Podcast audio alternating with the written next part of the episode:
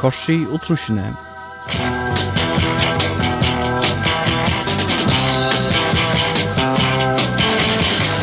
Ein sending her må gå over med vår korsi i Vijar. Vissar hever han et tonlista litt blom og tisse fra en farnare tøy, ta stress var en bojur i Russlande, og en bojur i Russlande var et ønt sted at være i.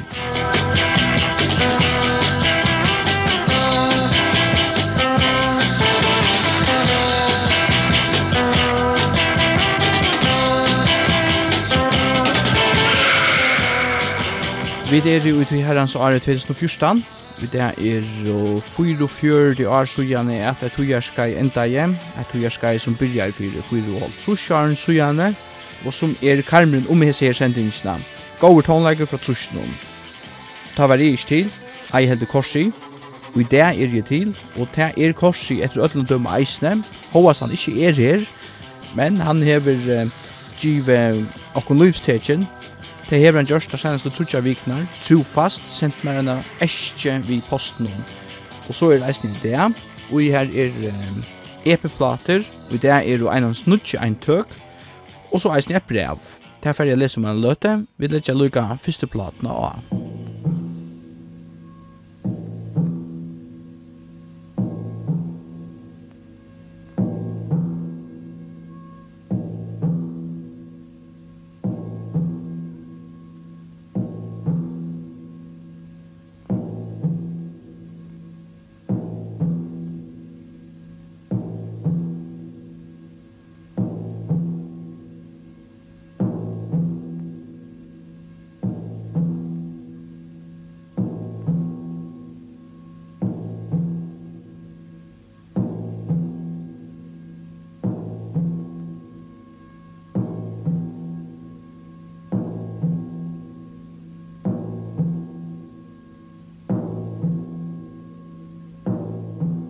medan hessa trumnar køyra i bakgrunden og bart en sanker, så leser jeg lykka ur sin håndskrivaja brev noen tja korsi. Good day sunshine.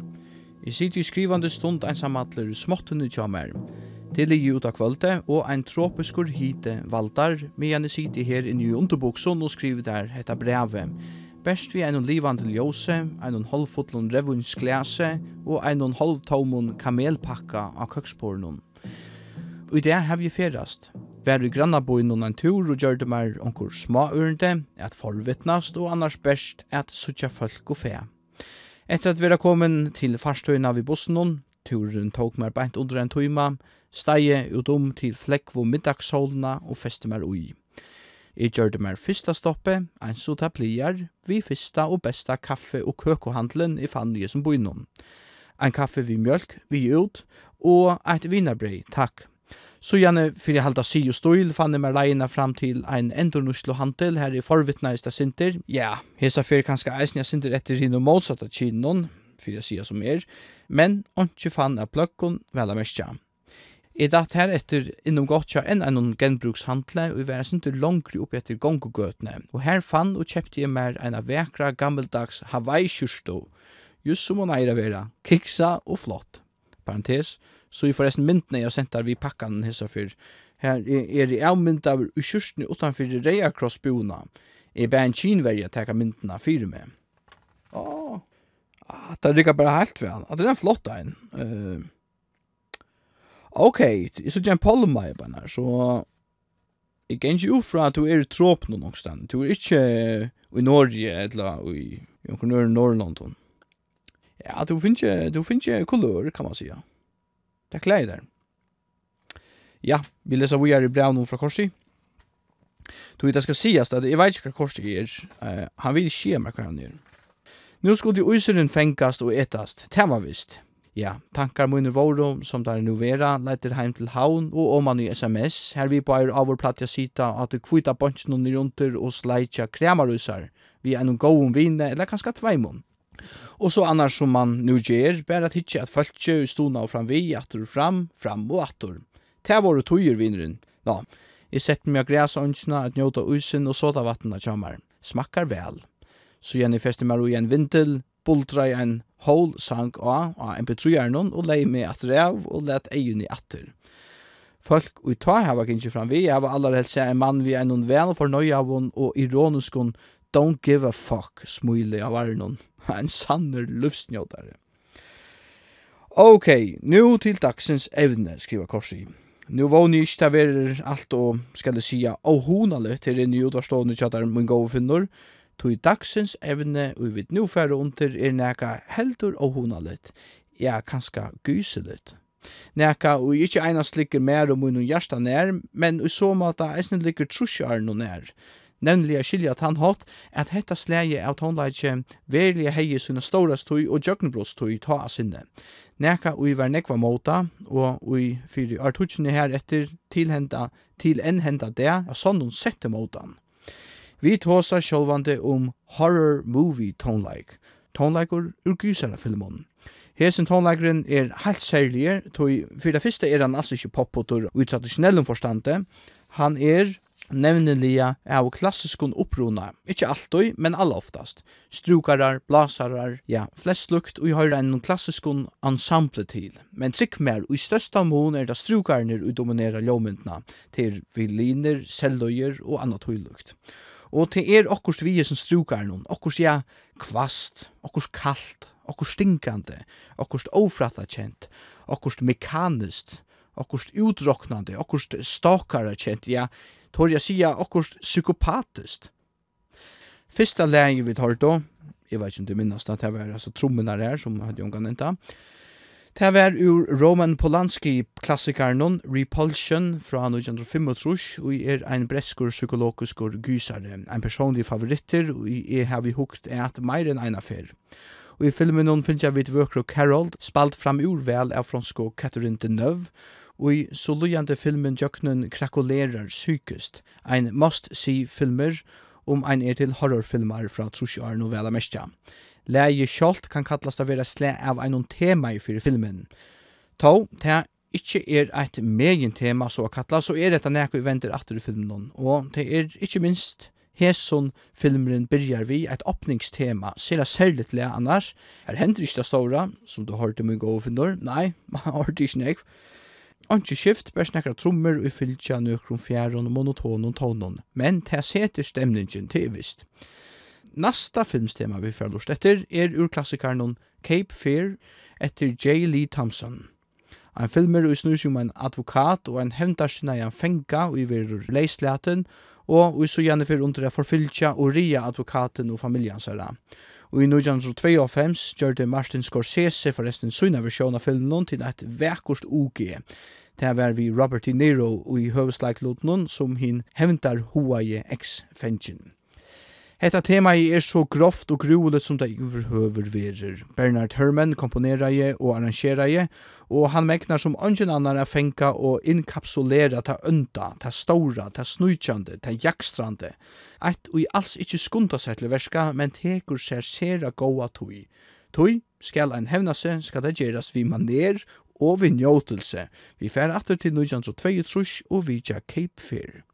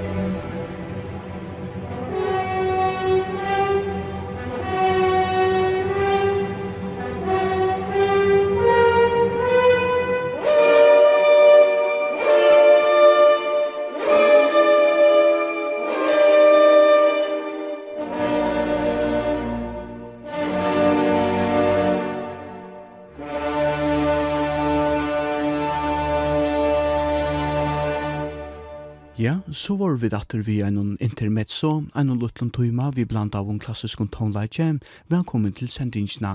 Og i det løtte vi fire vi en stottun marsje, og det var satser nummer 3, et klaverstykke etter Chopin, som hever skriva og, nei, tvall, jeg skal ikke grine bors sju USA det er ikke sånn dæver, og vi lort ikke etter klassisk tonleitje i kringvarpnån, til lort etter korset i trusjonen, og det er ikke jeg som velger tema i det, det er Korsi som velger tema i, og han har så valgt eh, en luttland tøyma vi eh, horror tonelage fra Trusjonen.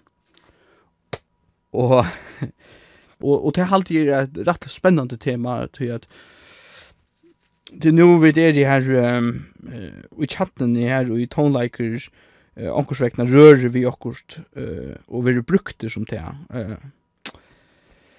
Ja, det kommer vi för snacka snakke om sitene. Eh, får läsa hvor jeg brev någon tja, tja korsi. En annan av min personlige hon tar vi då som gysarar från 60 år någon är en annan klassiker efter just Roman Polanski, nämligen Rosemary's Baby.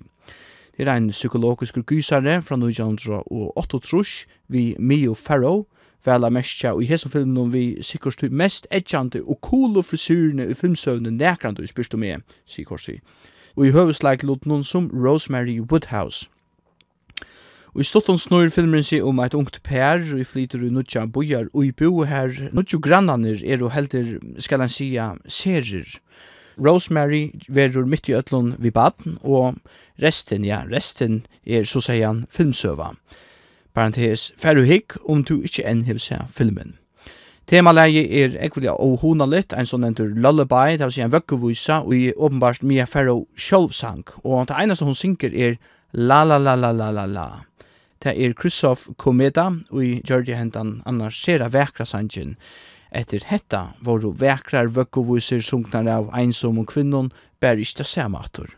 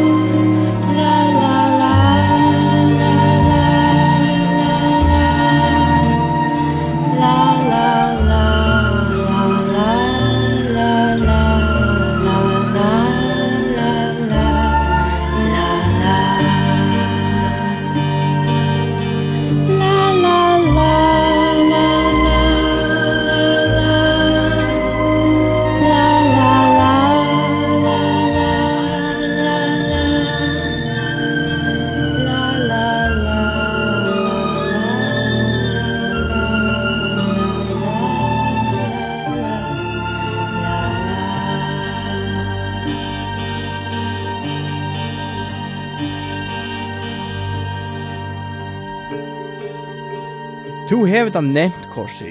Jeg synes ikke så myndene av det. Du hugga der her ångstan i tråpen og ångstan i hita og sol. Men jeg er, ja, og jeg kan lukka skott bare si det på en av veien, at er en bandasending. Jeg sitter ensamadler her i Studio 5 og i utvarshusen og til mist til bøla mist i sin studien og jeg er ensamadler i sorstu tøytje.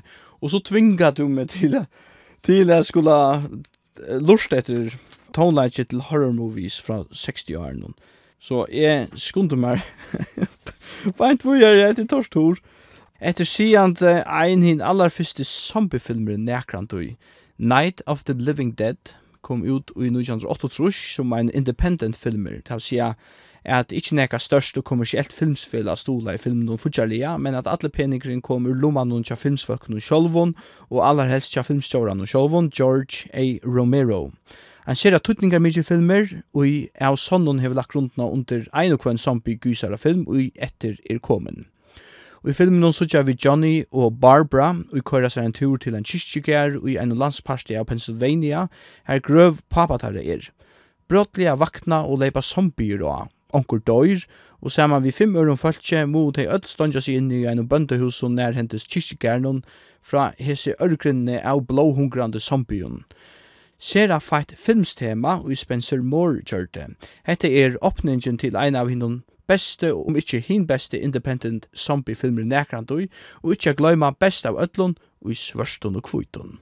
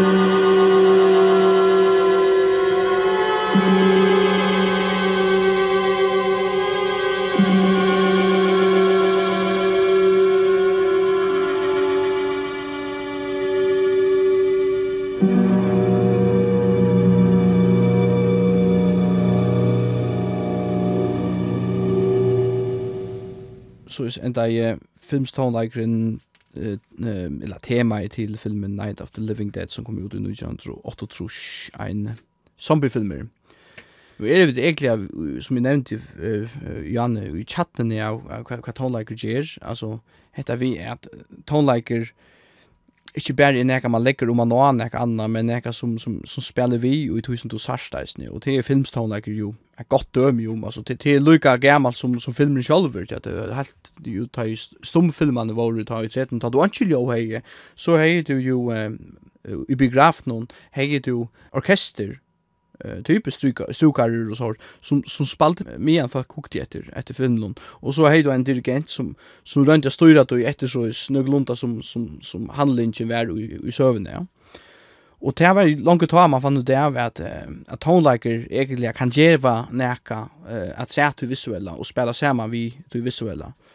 Och och det kan man så en roll jag säger att det ger i hela sjankrene, til at uimyndar til dømes at du hikker etter en gysara film og du bare slags for jaunen det er noen effekt. Det er jo alt er avgjerande ja Onkur kallar sier eisen at at at er eisen prekvum at at jo kanskje er han eh hvis du skal gjøre propaganda, hvis du skal avskaffa folk utan at det vita av du sjálv, så er jo kanskje det aller beste til at tí nekka du sært, du legger ikke mest til det, til at ofta nu i gysarfilmen att det blir klackar, du vet inte att hur det blir klackar, det är tog att onkel knappt över att han för horna, det är simpelthen att det här strukar ner, som knappt jag kommer, som, som gör det till att det blir klackar. Og det er sånn stått litt at uh, hugsa seg hvor blir du kløkker av strukaren som har en huatona og ikke av en det er ikke en basse som spør spør boom så onkurs vekna sier det mer at her ligger ein uh, djup og kulturell søva og i ljóe som menneske ikkje selv til definera, men som bare ligger ut i ljóen, som er innbyggt i ljóen, og som er universalt. Det er nok interessant at det er en filosofi i sjåns her, eh, men eh, at det er ikkje filosofane vi lort etter i det, og det er heller ikkje, som nevnt jo Anne, intermezzo, en tog med vi klassisk kontroller ikke. Det er kors i trusjene, og og vi tar flere lø etter, så jeg leser vi er i brevene som kors jeg sendt meg. Ein gotist kjentur gysarafilmer er bretske klassikaren fra 1921 til Innocence etter Jack Clayton. Og i filmen hon fylgja vid ungarne privatlærar rinto, og i atik sær starv at ansett en jente og badgenera og i einum gomlun einsomon husun. I mist undarligt henter bægi vi bøttenon og husun og sjolvun og lærar indan gjersugjane samfyrd om at husene er haunted. Hetta er opningin til filmen, her við eisini høyra sinter av monologi, ta er ta traditionella leie, og Willow Valley, ui Ayla Cameron synker, til eina heilt og honaliga grad. We lay my love and I beneath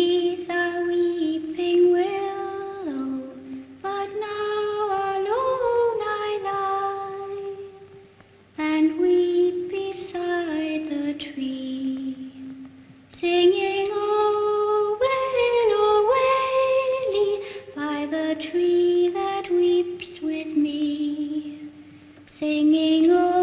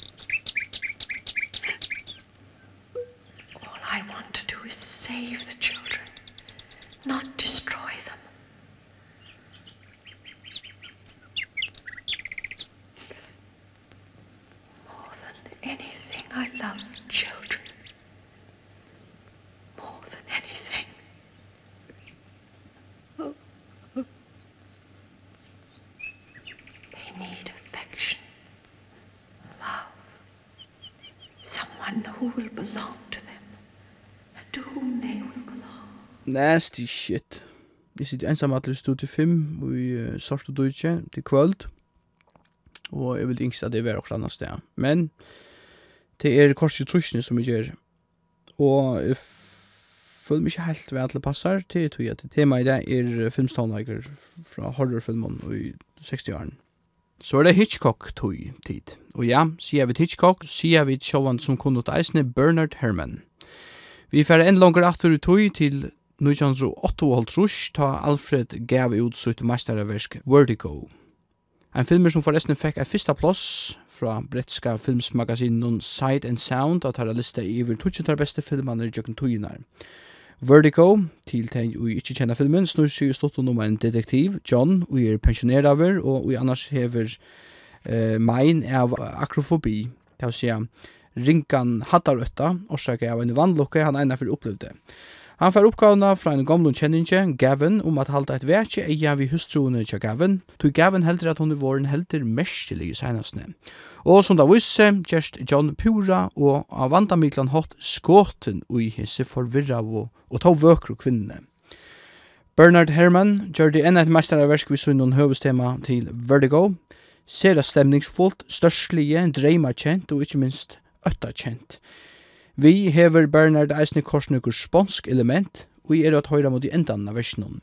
Og hetta djevi sjálfsagt, eins og til er vi öllum versjonen, best meining om ein ser filmen sjálfan vi tonleisjonen. Leta hon høyra.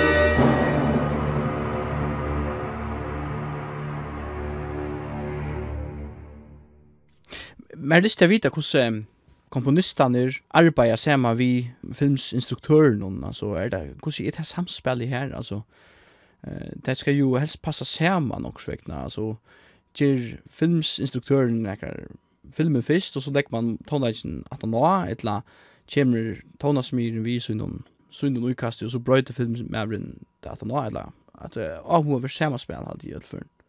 Det man ser ju fyra så här hur det ränner upp sig trappnar tar i bilen en färra så långt vet. Och så dong så händer också där.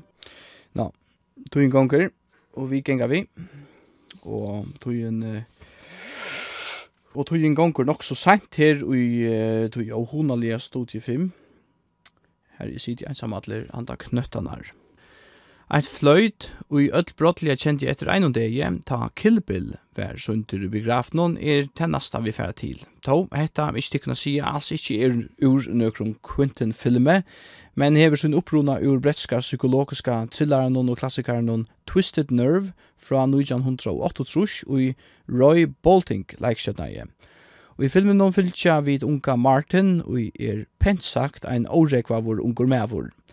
Fløyte, er a finna i scenene, eisen at hitta av YouTube forresten, her Martin Elter Susan som fylgist vi en øre manne til bojarbogasavne. Tei leggja ikke til mestjes, mia Martin fylgjer taimun best nøkur fet handan tei, mia han pura kalt, fløytar hendan kata og samstundes og honalia sanchen. Og som ikkje enn enn affer er da mestaren Bernard Herman, og skriva i og leie hetta verset Twisted Nerve Theme til rattes.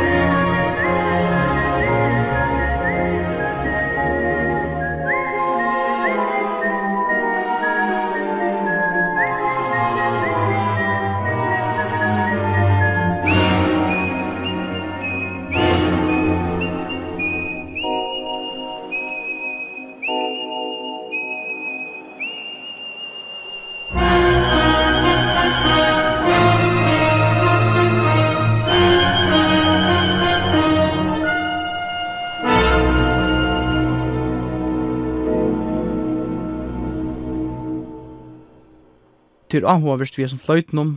Eh, det er alltid det vi, eh, hva for mening ligger i tonelagen At det er jo en, en fitte melodier han synger på den men takkar vi just omstøven noen, så, så fer den jo en helt annan tøytning. Uh, Og nu har vi ju känt den filmen jeg bare bara sa Kill Bill och där ju har den en sån ju knappt jag såg det åh shit uh, hvem er dette?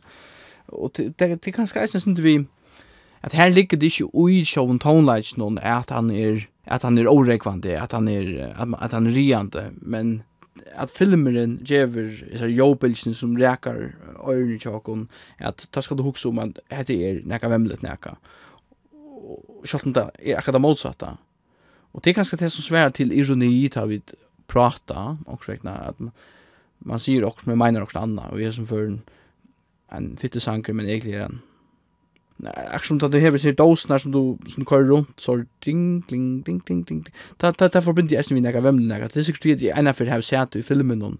Ja, nu er okkur också spökelse eller onkel onkel ska dodge eller något Suspense thrilleren Wait Until Dark er en annan klassiker fra 60-åren, en filmer etter Terence Young og kom ut under 1923. Søvann snur seg om Blindo Susie, spalt av Audrey Hepburn, og vi verur terrorisera og trimun brottsmannen i leit etter enn dukke, og vi er stappa vi heroine, som er ui uiboende tja Susi. Hetta Gersland Dist tja tui blind og Susi og ma luja av atlar hinar sansnar og i rikka fyrir a vinna av eisen desperate brottsmannen. Høvus tema til filmen gjør det mestara komponisteren Henry Mancini, og det særlig at atonalo klaverne og ikke minst fløyte og gjerenda sanchins og honalian og otrykkan og myrskan.